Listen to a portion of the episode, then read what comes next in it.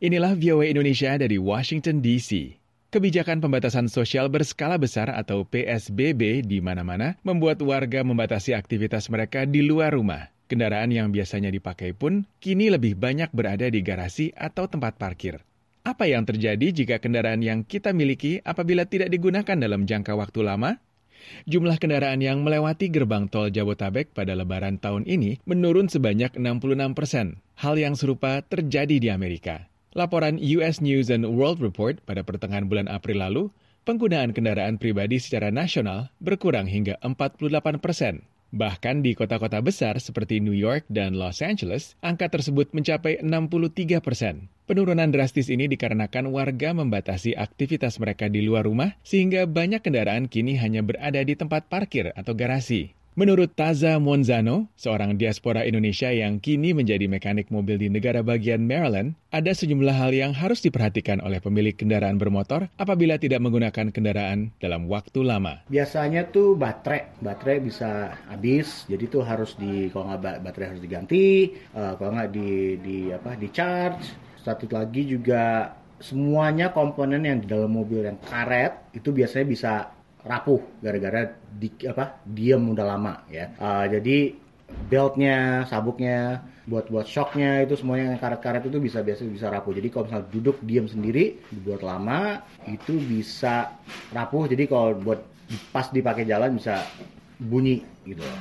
and then um, selainnya mungkin apa tergantung dari lokasi itu bisa rem. Remnya itu bisa karatan apalagi kalau di sini di daerah Maryland di US itu udah lama duduk nggak nggak dipakai terus itu hujan itu biasanya piringan remnya itu bisa karatan gitu. Hal yang serupa juga diutarakan oleh Sigit Aryo Pambudi, seorang ahli piranti lunak di negara bagian Virginia dengan latar belakang electrical engineering. Sigit membenarkan bahwa dengan membiarkan kendaraan kita diam di parkiran selama berminggu-minggu, bahkan berbulan-bulan, bisa meniriskan tenaga yang ada dalam baterai kendaraan tersebut karena tak ada penyetruman listrik yang masuk akibat kendaraan yang tidak dipakai. Adapun masalah lain yang dapat timbul seperti berkurangnya tekanan angin pada ban dan mengerasnya karet ban sehingga mengakibatkan ban berubah bentuknya sampai bersarangnya binatang kecil di bagian-bagian tertentu kendaraan kita. Oleh karena itu, kita dianjurkan untuk menyalakan mesin mobil dan menggunakannya secara berkala agar baterai dapat terisi kembali. Sebagai seorang mekanik pemegang sertifikasi dari The National Institute for Automotive Service Excellence yang sudah menjadi standar persyaratan semua mekanik di Amerika, Taza Monzano juga menyarankan perawatan paling rutin yang harus dilakukan oleh semua pemilik mobil di mana pun mereka berada. Paling rutin standar itu ya kalau misalnya